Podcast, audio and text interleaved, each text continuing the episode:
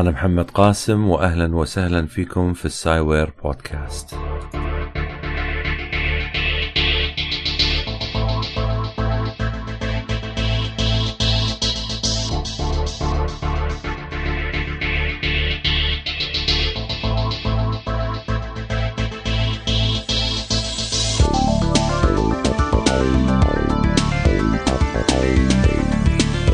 البودكاست هذا راح يتناول العلم والتكنولوجيا.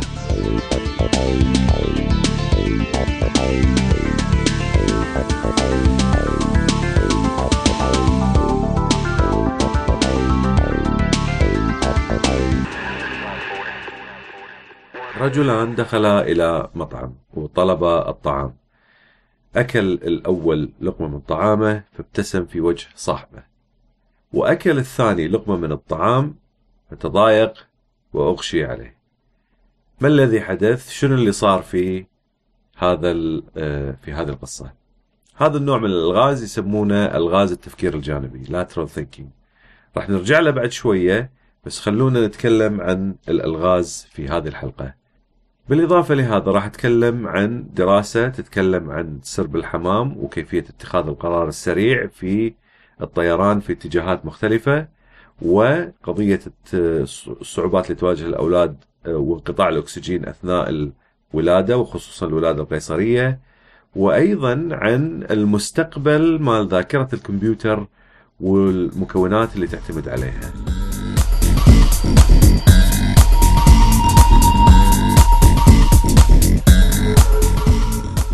اللغز اللي ذكرته في البداية طبعا واحد من الألغاز اللي تعتمد على تفكير مختلف الغير معتاد لكن الألغاز أنواع كثيرة. منها ألغاز أعواد الثقاب آه، منها ألغاز فك العقد مثل الحلقات الحديدية اللي تحاول تفكها عن بعضها. في عندك أيضا الجيكسو بازل اللي هي آه، مثل الألغاز اللي فيها صور اللي تكون عادة مقطعة ومتعرجة وهذه تحاول تركبها. أو عندك مثل الألغاز التوافيقية مثل الروبكس كيوب المكعب اللي عليه ملصقات ملونة وتحاول إنك ترتب الملصقات هذه بحيث إن كل الألوان المتشابهة تكون في وجه واحد آه، على المكعب. وعندك أيضا أكو أحاجي اللي تعتمد على النطق والرياضيات والكلمات أصناف يعني ما تنتهي من الألغاز. وعادة تشوف الألغاز في يعني يعني ما لها مكان محدد موجودة في الكمبيوتر موجودة في الكتب في المسابقات في التلفزيون. يعني كثير من المسابقات الحديثة هذه تعتمد على آه، الألغاز وطرق آه، جديدة لسرد هذه الألغاز. وعندك ألعاب الأطفال والكثير من الأمور الثانية اللي أنا يعني ما أستطيع إني أحصيها آه، بأي شكل من الأشكال. يعني ما الألغاز تطورت بشكل رهيب حتى الموجودة على الكمبيوتر عادة تكون آه، متطورة بحيث إنه يكون فيها نوع من التفاعل ما هي مباشرة يعني مثل الألغاز اللي موجودة على صفحة الورقة. شنو تعريف اللغز؟ اللغز من الصعب علي إني أعرفه لأنه ماكو له تعريف واضح على الأقل اللي أنا شفته فيه يعني مجموعة من الأفكار فحطيت أنا جمعت مجموعة من الأفكار حول الألغاز حتى أحط لها تعريف وإن كان يعني ما أقدر أقول أن هذا التعريف تعريف صحيح 100% آه، بشكل عام هو معضلة تسرد بطريقة جذابة مسلية بحيث تحير المتلقي وتختبر ذكائه. التعريف هذا في نقطة مهمة قضية التسلية. لازم يكون اللغز مسلي. ولازم في نوع من التحيير يعني ما يصير يكون آه، مباشر. أحيانا يكون مباشر لكن كل ما كان محير بشكل أو بآخر يكون هذا اللغز أفضل طبعا. اللغز له أهمية كبيرة. تنمي مهارات الناس تطور من ذكائهم تعلمهم عن الصبر على الصبر وغير التسلية اللي آه، تعطيها للشخص أو حتى مجموعة من الأشخاص اللي يتشاركون في حل آه، بعض هذه الألغاز. أنا واحد من الأشخاص اللي تأثروا بالألغاز تأثر كبير. بديت المشوار من أيام ما كنت أنا صغير. والدي كان يوجه لي أسئلة من النوع البسيط في البداية وتدرج معاي تدريجيا إلى أن وصل إلى أسئلة أكثر صعوبة. مع الوقت طبعا حبي للألغاز ازداد يعني آه، أنا إلى يومنا هذا أحب الألغاز وشريت الكثير من كتب الألغاز وكل مرة طبعا أنا كنت أحاول إني ألاقي الحلول هذه من غير ما ألجأ إلى الحلول اللي تنكتب عادة في نهاية اللغز إلا إذا فعلا كان اللغز صعب بشكل إني ما ما عرفت أتوصل للحل ماله. أتذكر يعني مثلا بعض الأسئلة اللي كان يبتدي معاي الوالد فيها وأنا صغير وحتى إني أتذكر أيضا حتى مع الأطفال اللي يدد في الأسرة مثلا الوالد تلاقي يستخدم نفس الأسلوب في سؤال الأطفال بحيث إنه يحرك أذهانهم يحرك عقولهم للتفكير فمثلا كان يقول لي شنو الشيء اللي عنده رجلين لكنه ما يمشي أو أربعة أرجل ولكنه ما يمشي هذا السؤال طبعا آه، وأنا صغير بالنسبة لي كان متعة يعني شلون شنو الشيء هذا الغريب اللي عنده رجل وما يمشي فتحتاج إنك تفكر فيه.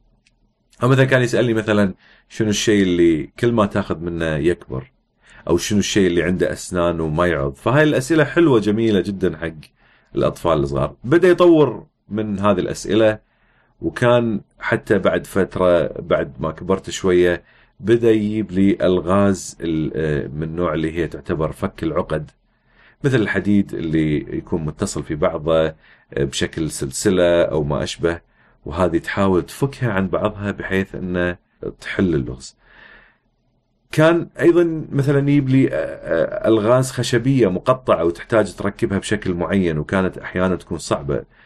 من حسن حظي إن كان صديق الوالد مصطفى بن نخي الله يرحمه كان يشتري هذه الألغاز ويحاول هو فيها شخصيا مع والدي فأثنينهم ييأسون ويسلموني إياها أنا بعد اليأس. طبعا أنا ما أدري إذا كان هذا اليأس يأس حقيقي أم انه تظاهر عشان يشجعوني أنا للحل لكن أدى إلى نتائج جدا رائعة صراحة أن أنا استفدت شخصيا. الحلول مالت هاي الألغاز ما كانت مباشرة كثير منها يتطلب الجهد بس ما كنت أيأس فكنت أحلها يعني أحاول فيها وتأخذ مني ساعات واحيانا أيام إلى أن أحلها لكن فعلا كانت متعة وعطتني ثقة في آه، قدرتي على حل الألغاز. بعدها أنا بعد هذا بديت أدخل في قضية الألغاز في اللي تكتب في المجالات العلمية، المجالات العلمية أحيانا تعطيك ألغاز جدا آه، صعبة. وهذه أنا كنت اواجه فيها صعوبة كبيرة لكن مع ذلك واحد يحاول يعني ينمي من قدراته على التفكير والتحليل. وكثير منها تعتمد على يعني بعض الرياضيات أو الفيزياء. إلى يومنا هذا أنا لما أروح المطار مثلا مثلا كاحدى الأشياء اللي أسويها إذا رحت المطار منتظر موعد إقلاع الطائرة. أتوجه للمحلات محلات الألعاب اللي تبيع الألغاز وأشتري هذه الألغاز اللي فيها فك العقد وأحاول إني أمر الوقت في حلال أنا ما زلت أستمتع فيها وعندي من هذه الألغاز يعني كمية لا بأس فيها وما زلت أحاول آه، يعني إذا بين فترة وفترة أدخل إلى المحلات هذه وأحاول إني آخذ الألغاز هذه حتى أحاول أحلها. يعني لدرجة إن للحين عندي لغز حديدي ما حليته وما عندي استعداد أروح أشوف الحل ماله على الإنترنت لأن أبي أحله بنفسي. هذه الألغاز لما كنت أنا أحلها كنت أحس بالافتخار بنفسي وتعطيني الثقة بالنفس وصقلت طريقة تفكيري وكونت عندي منهج في التفكير والتحليل والفضول العلمي. في سنة 1995 على ما أظن أنا الحين ما أذكر التاريخ بالضبط كتبت كتيب صغير حطيت فيه أحلى ال 50 لغز أنا عرفتهم في حياتي. وهذا كان وقتها في اعتقادي في ذلك الوقت يعني.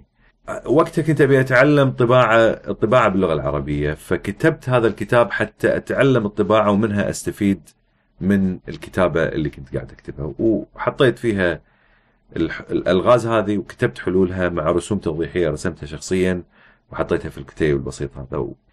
بعض الألغاز تحتاج حق مجهود بسيط علشان تحلها وبعضها يحتاج إلى ذكاء كبير حتى توصل للحل. حتى في آخر الكتاب وطبعا أنا حاط الحلول لل 50 لغز الحل اللغز الأخير حطيته في خلف الكتاب وما حطيت له حل على أساس إنه يعني تحاول تحله من غير ما ترجع إلى الحلول اللي موجودة في الكتب. بعضها كان محير فعلا وبعضها إذا اكتشفت الإجابة يمكن تنبهر على الأقل أنا انبهرت في بعض الإجابات هذه مالتها. سميت هذا الكتاب للأذكياء فقط ويعني علشان أنا أدري في بعض الشباب يسألوني فلذلك راح أقول لكم من الحين الكتاب موجود في دار ذات السلاسل في الكويت وحقيقة ما أدري إذا للحين موجود الكتاب ولا لا يباع من النسخ ولا لا لأن الكتاب من سنة 1995 إذا حبيت تستطيع تسألهم أنا ما أعرف. لغز من الألغاز اللي حطيتها في هذا الكتاب هو يعتمد على أعواد الثقاب. هات لك ست أعواد من الثقاب وحاول أنك تسوي منهم أربع مثلثات باستخدام هذه الأعواد بس ضلع طول ضلع كل مثلث المفروض أو اضلاع المثلث المفروض تكون كلها طول عود ثقاب كامل. ما تستطيع انك تجزء أنا حطيت لك جواب هذا اللغز على المدونة مالت السايوير اللي هي techrave.spaces.live.com حتى باقي الألغاز اللي موجودة تستطيع إنك تروح لها على الموقع وتشوفها وتحاول تحلها. أنا ما راح أحط الإجابة للأسئلة كلها بس أنا أعطيك الألغاز حتى تفكر فيها. والإجابات موجودة على الإنترنت. هذا اللغز بالذات وبعض الألغاز الثانية أيضا تحتاج إلى تفكير اللي يسمونه الأمريكان خارج الصندوق out of the box ما تستطيع إنك تفكر بالطريقة المعتادة بحيث إنك تحل اللغز لازم تشوف له زاويه مختلفة طريقة إبداعية بحيث إنك توصل لحل مثل هذا اللغز. أكو أيضا لغز جدا مشهور وهذا اللغز ما له حل بالطريقة الطبيعية. ويمكن أنت مر عليك هذا النوع من الألغاز اللي فيه ثلاث منازل وثلاث خدمات اللي هي كهرباء وماء وغاز. الهدف شنو؟ إنك تبي توصل كل من هالخدمات إلى آه، المنازل الثلاثة اللي موجودة. فتحط ثلاث بيوت على ورقة وتحط ثلاث خدمات خلينا نقول كهرباء وماي وغاز بصفة والصفة الثانية هذه مثل خدمات وتحاول توصل من كل خدمة من الخدمات خط إلى واحد من المنازل الثلاثة. طبعا تغطيهم ثلاثتهم بحيث إنه ما يتقاطع ولا واحد من الخطوط. هذا اللغز أنا أعطوني إياه من زمان وحاولت إني أحله اعرف الحين من خلال الرياضيات إنه لا يمكن حل هذا اللغز على ورقة عادية. فتحتاج تفكر خارج الصندوق. شلون ممكن تحل مثل هذا اللغز؟ تحله عن طريق شيء يسمونه التورس. ال torus عبارة عن شنو؟ مثل قضية ال donut. ال donut اللي هي الكعكة المجوفة. تجيب البيوت وتحطها تصفها على الدونت وتصف الخدمات على الدونت أيضا وتوصل الخطوط هذه وتمررها من خلال الثقب. طبعا أنت قاعد تمر على السطح مثل سطح الورقة لكن هذه على شكل دونت فتحل المشكلة هذه. وأيضا هذه الرسمة أنا حطيت لك إياها على الموقع حتى تشوف طريقة الحل. الفكرة من هذا اللغز إنه ما تفكر بالطريقة الاعتيادية اللي انت معتاد عليها. لازم تبتعد عن التفكير اللي يعتبر التفكير البسيط العادي اللي انت قد تكون معتاد عليه. تحتاج تطور من طريقتك إلى طريقة إبداعية شوية.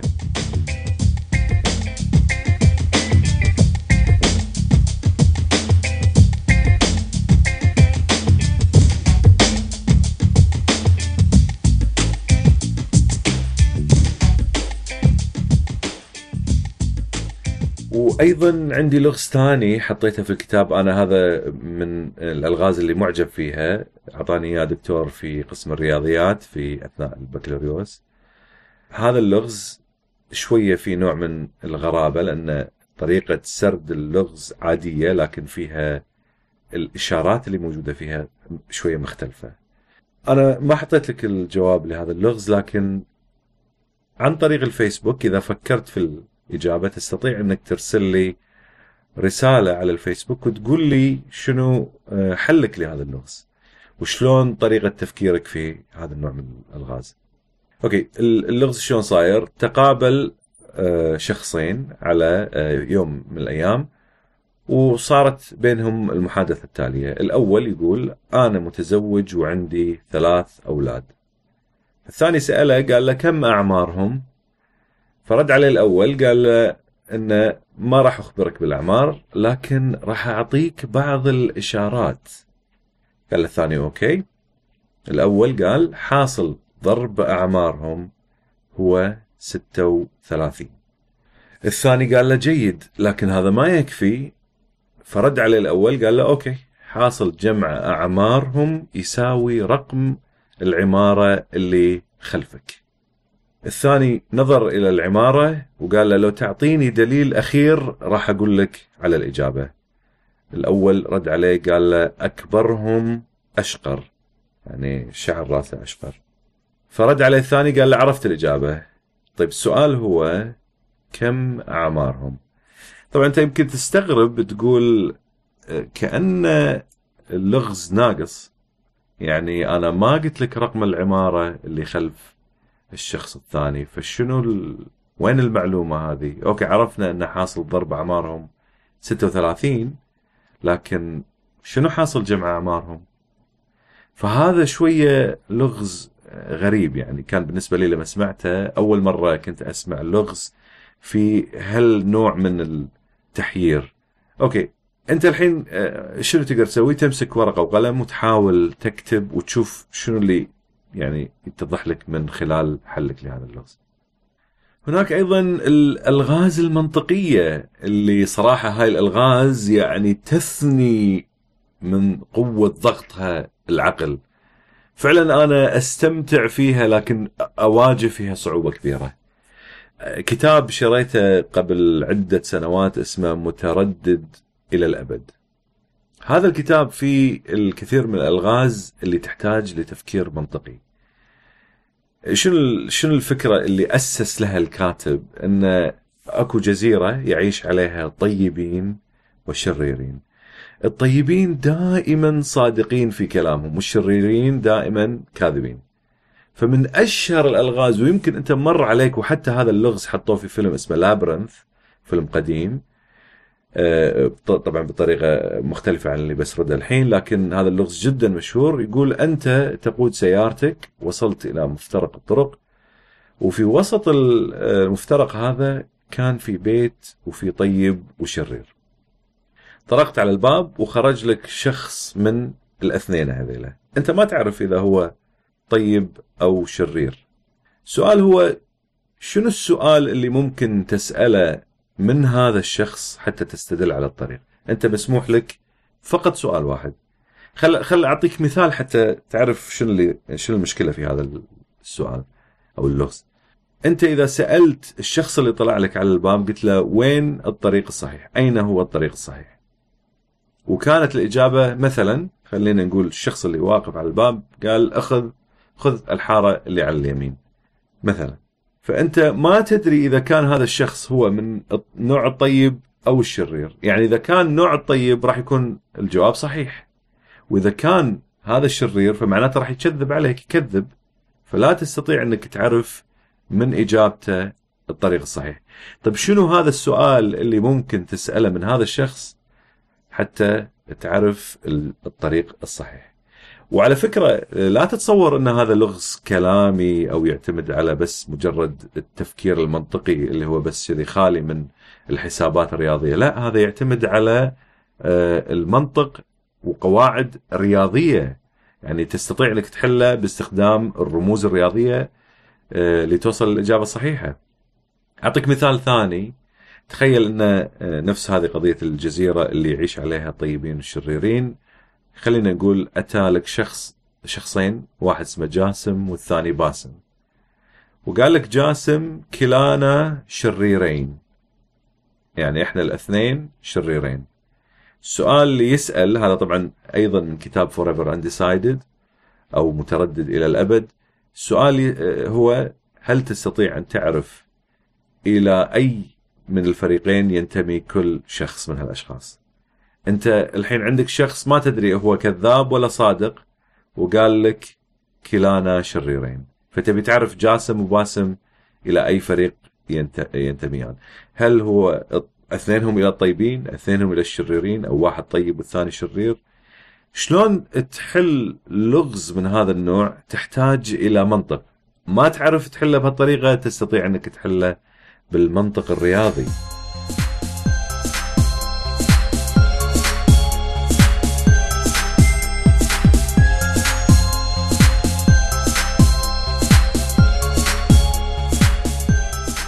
نوع آخر من الألغاز اللي هو تعلمته في خلال وجودي في الولايات المتحدة الأمريكية آه، وهذا يحتاج إلى جو من آه، اجتماعي يكون عندك مجموعة من الأصدقاء وتحاولون تحلون هذا النوع من الألغاز مع بعض.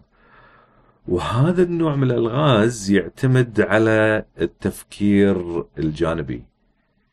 أنا ذكرت القصة في البداية اللي هو رجلين دخلا إلى المطعم وطلبا الطعام وواحد أكل لقمة وابتسم في وجه صاحبه والثاني أكل اللقمة الثانية فتضايق وأغشي عليه. شنو السؤال هو شنو الأحداث اللي أدت إلى هذا الشيء من أو إلى هذا الحدث؟ تستطيع أنك تطرح هذا السؤال على أصدقائك المطلوب منك أو منهم هم أن يسألونك أسئلة وأنت تجاوبهم بحيث تكون إجاباتك فقط ثلاث أنواع من الإجابات. هي نعم لا وغير مهم. الهدف من هذا شنو؟ إنك تبي تعرف الأحداث اللي صارت في القصة اللي أدت إلى هذه النهاية. الحين نفس هذا اللغز اللي أنا الحين طرحته لك طرحته على أصدقائي الثلاثة آه، زملائي في الكلية طارق وبسام ومحمد وهذول سويت معاهم مقابلات في الحلقات السابقة. هذيل الأشخاص قعدوا وياي وهم ما يعرفون الجواب للغز هذا أو ما يعرفون القصة خلف هذا اللغز. خلونا نشوف شنو طريقة الأسئلة وشلون توصلوا للحل. طبعا لا تنسى إذا أنت سويت هذا اللغز مع أصدقائك إن تحاول حتى أحيانا ممكن ما يعرفون آه، يتوصلون للحل ممكن تعطيهم بعض الدلائل أو ال hints حتى تساعدهم في الإجابة. okay آه، خلينا نقول القصة القصة كذي. اثنين دخلوا مطعم. طلبوا أكل. قعدوا على الطاولة. وصل لهم الأكل. أكل أول واحد من الأكل ابتسم في وجه صاحبه. صاحبه أكل الأكل تضايق على الآخر قام طاح عشان شنو اللي سوى؟ شو اللي صار؟ طاح غشيان أغشي عليه يعني. الثاني. الثاني. شو؟ لحظة. آه، هن رفقة من زمان؟ اي ما عجبتني السؤال فيهم شخص كبير سن وشخص صغير سن؟ مو مهم. أكلوا نفس الأكل؟ اي حد منهم يعاني من آه، أمراض لا. معينة. اثنيناتهم نفس العمر تقريبا. مو مهم. حلو السؤال. عجبني السؤال. طيب. اثنيناتهم اتفقوا على الأكل لو فد شخص واحد من عندهم هو الطلبة والثاني وافق على أس- أسألني سؤال إي أو لا. فسؤالي كان هم متفقين على الاكله مسبقا لو من دخلوا المطعم هم اللي لا. ما يصير تسألني سؤال آه، جانبين تسألني سؤال أقول لك إي لا متفقين هم على الاكله مسبقا إي ماكلين هيدي الأكلة قبل؟ شايف هذا التفكير؟ هيدا بيعطينا كلوز بيعطينا أم، اي اعتقد. لا واحد منهم مفكر حاله ماكل هالأكلة قبل؟ إي طيب. واللي والشخص اللي أكل هاي الأكلة هو هو اقترح على صاحبه يأكلون هاي الأكلة؟ اي أنت خو سألت السؤال هذا بأسلوب ثاني يعني هم متفقين لي هم متفقين بالبداية إن يأكلون هالأكلة فقلت لك اي شخ... أكيد الشخص اللي تبسم هو اللي كانوا طالبين seafood؟ لا، قصدي أكيد الشخص اللي تبسم هو اللي كان صاحب الفكرة. لا. اللي غمي هو اللي كان صاحب الفكرة.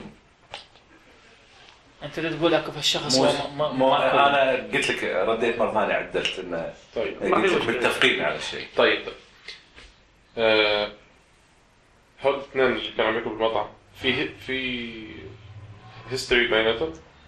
اي أك- الشخص اللي تبسم يعرف صاحب المطعم؟ لا.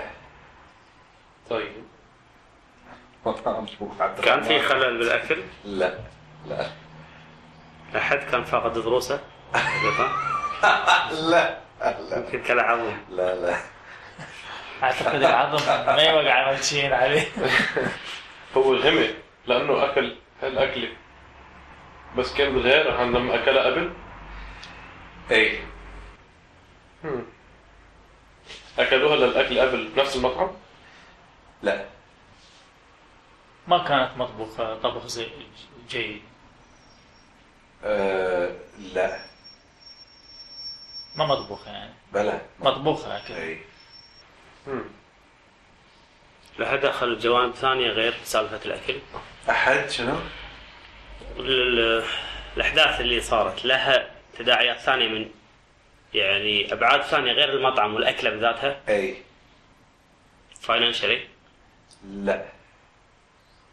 اكل الأكل اتضايق وغمي أيوه. وهو أكل ومفكر حاله أكل نفس الأكل قبل. بس هو اتضايق لأنه الاكله لما أكلها غير عن لما فكر حاله أكلها قبل. زين. شنو السبب؟ بس ليش؟ اغمى عليه. السبب لأنه فكر أكل الاكله ومفكر حاله اكلها قبل. فلما أكل. استنتج إنه مش نفس الاكله وغمي اي إذا- ه- هالجواب؟ لا ما خلصت. يا. لازم تعرف شو ليش طلع غشيان ليش غني لأنه اتضايق كثير صح بس ليش؟ طيب. أعتقد كانت مكلفة. من ناحية. لا. ما بشوف السعر قبل ما يطلب حرام عليك. طيب فهو اللي راح يدفع حق وجبتين مو مهم. في حدا فيهم مزوج؟ اللي غمي اللي غمي تزوج؟ مو مهم. طيب عنده أولاد؟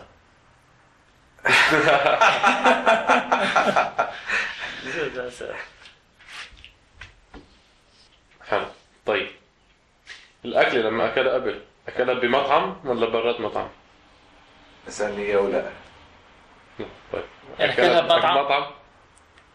اي لا لا لا. المرة اللي أكلها قبل كانت بمطعم؟ لا. بالبيت؟ لا. بال... بالغابة برا؟ لا. بس مش بس هو أكلها مع صاحبه. اي له سويه آه آه لحظة حلوة يعني آه، اسأل سؤال أوضح من هذا ما يعني. أكل نفس الأكلة يعني قصدي قبلها مرة بدون بدون ما يكون متواجد في مطعم في أي مكان ثاني بس ما هو مطعم؟ مو مطعم. ما آه لا يعني لا.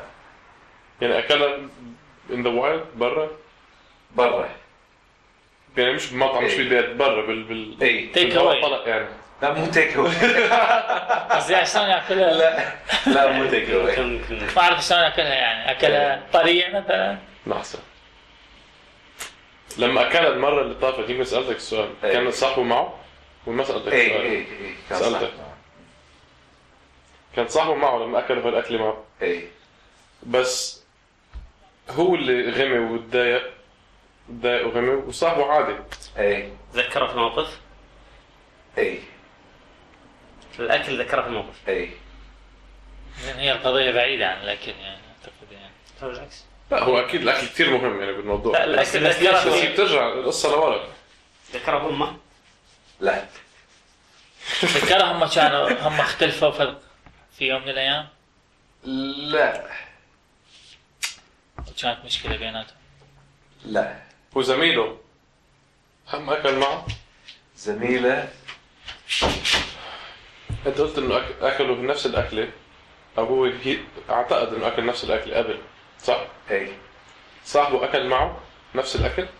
لا. كيف هيك؟ camping كان في camping تخييم؟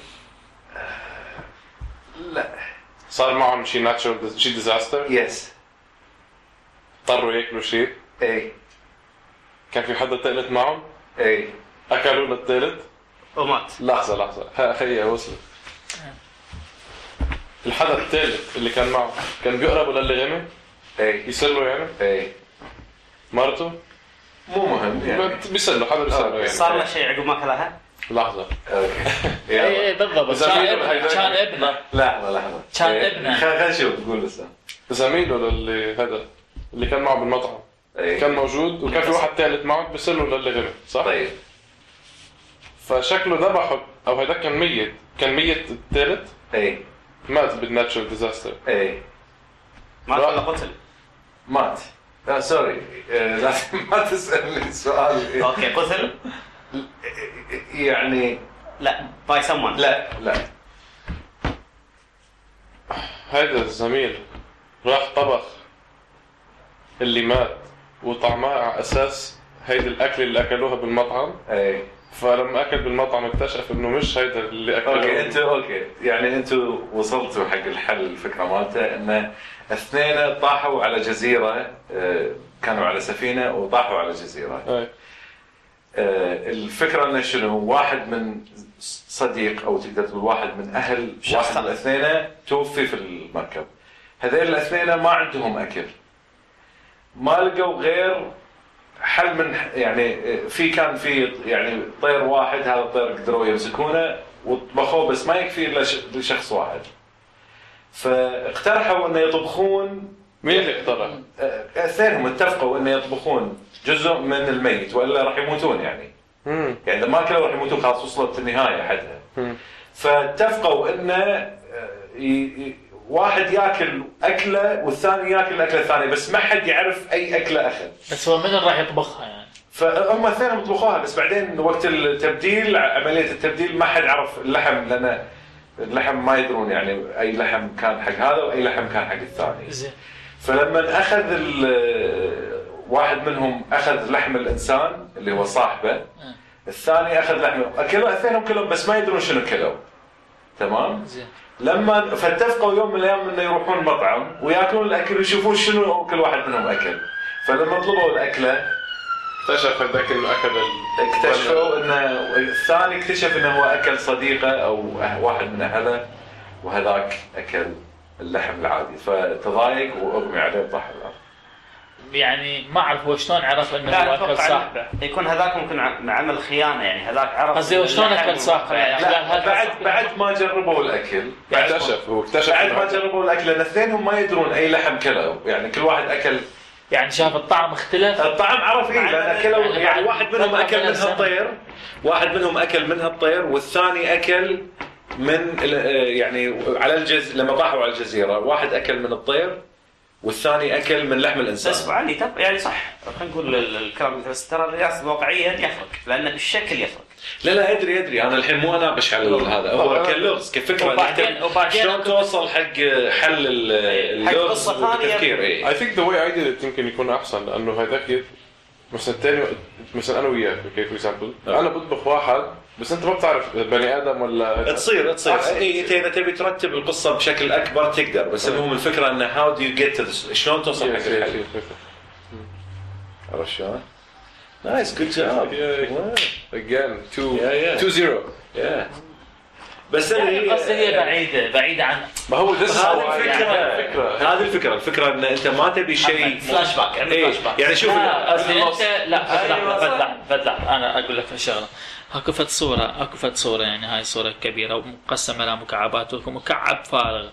ربما انت أكو مكعبات ربما خلينا نقول ترهم فد 90 95% واكو اللي يجي perfect أنت تريد المكعب اللي يجي على القصة اللي أنت راسمها إي طبعاً. يعني قضية اثنين وعلى جزيرة. يعني هذا هو أنا هذا اتخيل هو okay أنت تقدر تقول مثلا آه هذا الحدث مثلا آه هذا مثلا أنا أجي أقول لك اياها بغير طريقة. هذا الشخص اللي يغمى عليه هو مثلا كان عنده طفل. طفل هذا مثلا آه، آه، يوم من الأيام هو صاحب ياكلون هاي الأكلة وفجأة الطفل مات. لأي سبب كان؟ اندعم احترق ما انت كهرب أو انت شيء؟ لو قلت هذا ال possibility كان حيقول لك لا.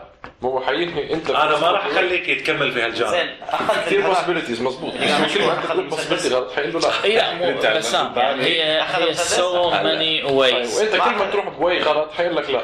يعني قصدي هو شنو شوف شوف شوف خل خل ابين لك النقطة هو اللغز مو أهميته في الحدث نفسه أهميته في إنك أنت شلون تفكر في حل السؤال الأسئلة يعني مثلا بسام لما بدأ يقرب على هذا هو ما كان يفكر بعمق اللغز هل الأكلة هذه طعمها كذي ولا هل مثلا القرصون كان لابس لبس معين ولا لا هو راح ابتعد عن الموقع مال اللغز نفسه ان توسع أو, أو في يعني نفس الوقت هي تكون يمكن يعني هسه مثلا بسام accidentally مشى بطريق اي لا لا في. فيها accident يعني رب اي رب ربما إحنا مثلا نظل نركز على قضية الأكل نوع الأكل ربما هذا يعاني ربما عنده حساسية صح. ربما أكو ناس عندهم مثلا حساسية الحمص أو الباقله هذا من يعني يعني مع إن الحمص زين أنا أحب الحمص. اي ناس عنده حساسية مال ناس إذا أكل آه، صح. المشكلة تصير اي لا شوف شوف أنت الحين أنا خل أقول لك يعني لما قلت إن بسام حلها أنتم أيضا قضية إن سألت أسئلة نفيت بعض الأشياء اللي هو خلاه على ال right track صحيح. ففي أشياء أنتم نفيتوها خلت تراكمية. اي فمع التراكم هذا مع الأسئلة اللي سألتوها وجهتكم حق الطريق الصحيح. وعلى فكرة ترى أنتم حليتوا اللغز بسرعة يعني مو مسألة انه يعني ما طولتوا. العادة هاللغز هذا بالذات لأنه شوية فيه يحتاج تبعد وايد؟ عرفت شلون؟ يعني توصل جزيرة وتوصل منظر مختلف و... إيه، إيه. لا هو بسام يعني جريت ثينكر تجربة رائعة جدا. أنا استمتعت فيها وأصدقائي استمتعوا فيها وأحلى ما فيها القضية الاجتماعية أنك تقعد مع أصدقائك وتفكر في آه، ألغاز من هذا النوع ويصير فيها نوع من الضحك والأفكار وال... تتطاير بعض ال- الأفكار الجانبية اللي آه، ما لها أي معنى فتضحك عليها و... وأنا فعلا أستمتع بالأجواء هذه يعني بالنسبة لي هذه آه، هم فيها فائدة وهم في نفس الوقت آه،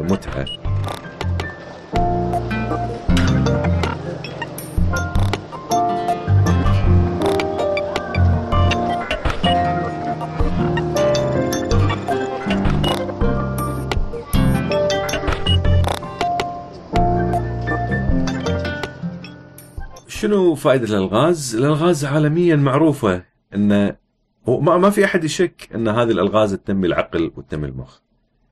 تقوي المهارات مهارات الإبداع والتفكير والتحليل وحتى كتب الذاكرة ذاكرة لتقوية الذاكرة تنصح في آه، العمل على حل الألغاز.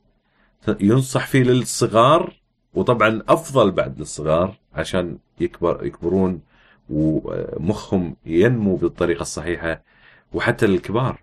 بالإضافة لهذا الألغاز تعلم على الصبر. شنو الصبر؟ الصبر هو سعة التحمل من غير أنك تتضايق أو تنزعج أو تضطرب وتثابر بهدوء لما تواجه الصعوبات.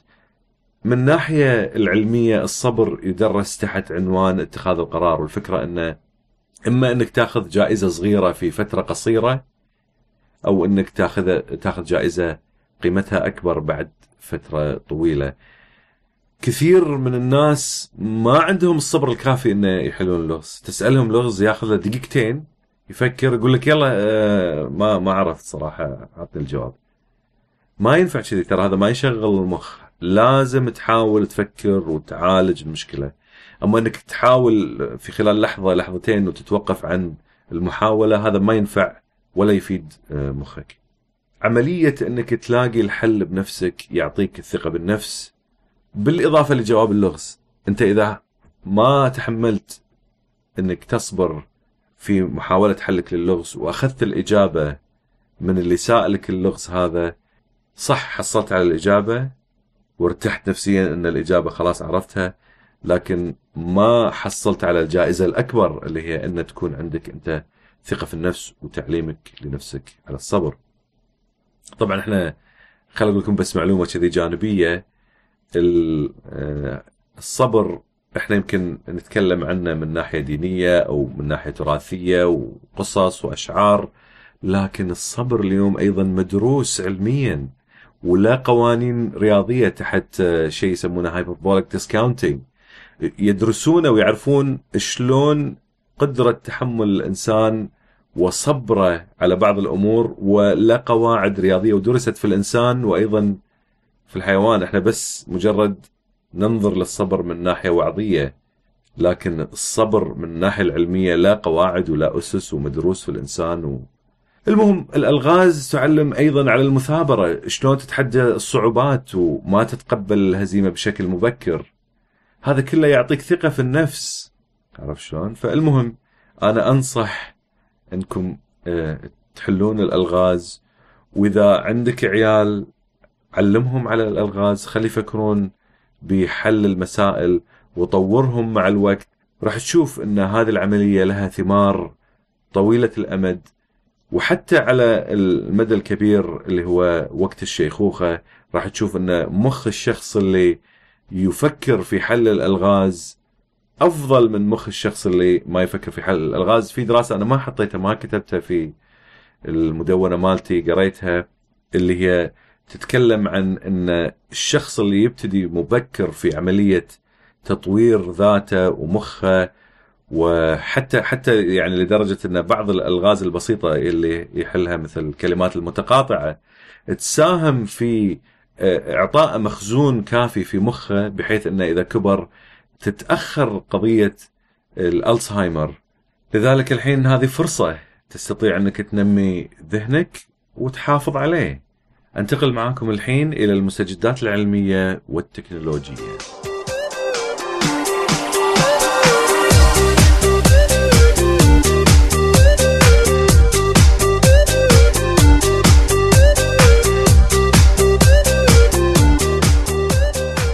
الخبر الأول نشرت مجلة النيتشر وأنا أذكركم أن مجلة النيتشر من أقوى المجلات اللي تنشر فيها الدراسات عالية المستوى.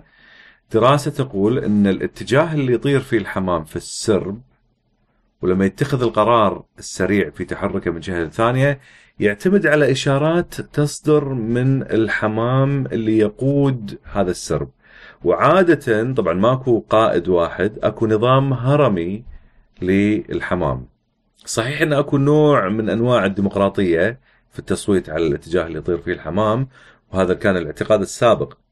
لكن بعد ما ركبوا العلماء آه، على ظهر الحمام آه، نظام ال GPS على شكل حقيبة ظهر مثل اللي يشيلها الطلبة والطلبة في المدارس أو الجامعات وسجلوا عدة ساعات من طيران الحمام واتجاهاتها اكتشفوا أن الحمام لما يقرر الاتجاه لوجهة معينة فإن وزن القرار يختلف من حمامة إلى حمامة ثانية. والوزن الأثقل للقرارات عادة يكون للحمام اللي في القيادة، ولكن هاي القرارات كلها تتخذ في أقل من جزء من الثانية والحمام يتجه حسب التوجهات اللي موجودة في القيادة خلال الهرم. لكن العلماء لحد الحين ما يدرون السبب الرئيسي لهذا الهرم القيادي وما يدرون شنو المؤهلات اللي تسمح للحمامة في ان تاخذ زمام القيادة لانهم قاعدين يشوفون حتى أثناء آه، آه، يعني بعض الرحلات المختلفة ماكو حمامة بالذات هي اللي تقود السرب ولو ان في بعضهم يعني قياديين أكثر من غيرهم لكن أحيانا يعني حتى العلماء يعتقدون ان لما تتعب الحمامة تتبدل القيادة.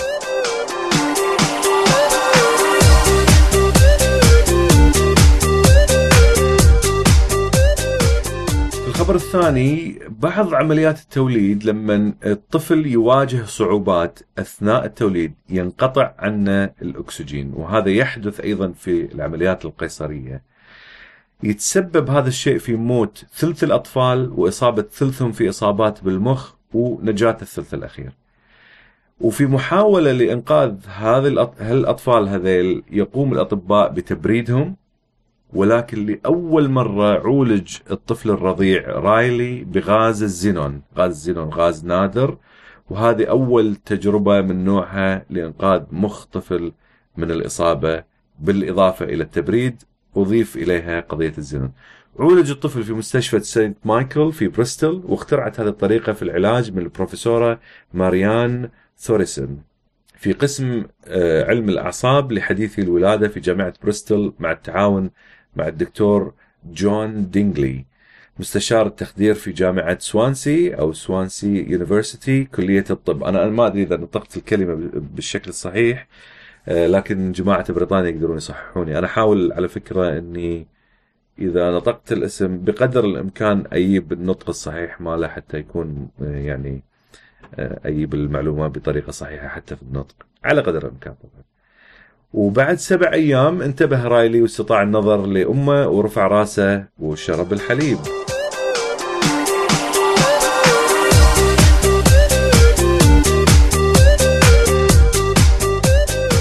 الخبر الأخير شركة Hewlett Packard اللي هي HP قاعد تنظر الحين لمستقبل الذاكرة في الكمبيوتر. حاليا الكمبيوترات تعتمد على شيء اسمه ترانزستور وأنا ودي إن شاء الله أخلي حلقة خاصة للترانزستور لأن آه، آه، يعني صناعة الترانزستور تعتبر نقطة تحول في تاريخ البشرية. مثلها مثل الإنترنت مثلها مثل آه، الصناعة أو اللي يسمونها industrial revolution. فنحتاج مرة نتكلم عن هذا. مع تطور التكنولوجيا والكمبيوتر على مر السنين أصبح حجم الترانزستور أصغر وهذا تكلمت عنه في السابق. فالحين قاعد يوصل الترانزستور إلى حد نهائي ما يقدرون العلماء يصغرونه أكثر من كذي بسبب الميكانيكية الكمية. لكن شركة ال HP الحين شغالة على شيء اسمه memristor memristor عبارة عن مكون من المكونات الجديدة اللي أسست فكرته في سنة 1971 عن طريق ليون تشوا وما استطاع أحد بناء هذا النوع من الإلكترونيات إلا بعد 37 سنة من الفكرة تأسست. هذا المكون يعتبر مكون مختلف، طبعا اللي جماعة الإلكترونيات يعرفون المكونات الأساسية. الفكرة انه شنو؟ إن هذا مكون جديد ومجلة النيتشر نزلت هذا البحث آه، عن هذا الموضوع في سنة 2008 تكلمت فيه عن موضوع صناعة الممرستر وهذا الممرستر راح. العلماء بإمكانهم تطوير كمبيوترات منه والمرحلة الجاية راح تكون إنه يطورون منه ذاكرة الفلاش حتى يتنافس مع الفلاش اللي موجود حاليا، الفلاش اللي هو الذاكرة تنحط في ال iPod أو في الكاميرات أو في آه، حتى ال thumb drive اللي هو تشيله معاك قضية ال drive ال- بالإصبعي هذه وفي المستقبل قاعدين يفكرون ان يصنعون من أجهزة تماثل المخ عموما شكرا لاستماعكم وأشكركم آه، إذا أنتم قاعدين تنشرون البودكاست يبدو أن الأرقام قاعد تزيد بشكل كبير فأشكركم على سماع البودكاست وأشكركم لنشر البودكاست. أنا قاعد أستمتع وإن شاء الله أنتم قاعد تستمتعون. شكرا.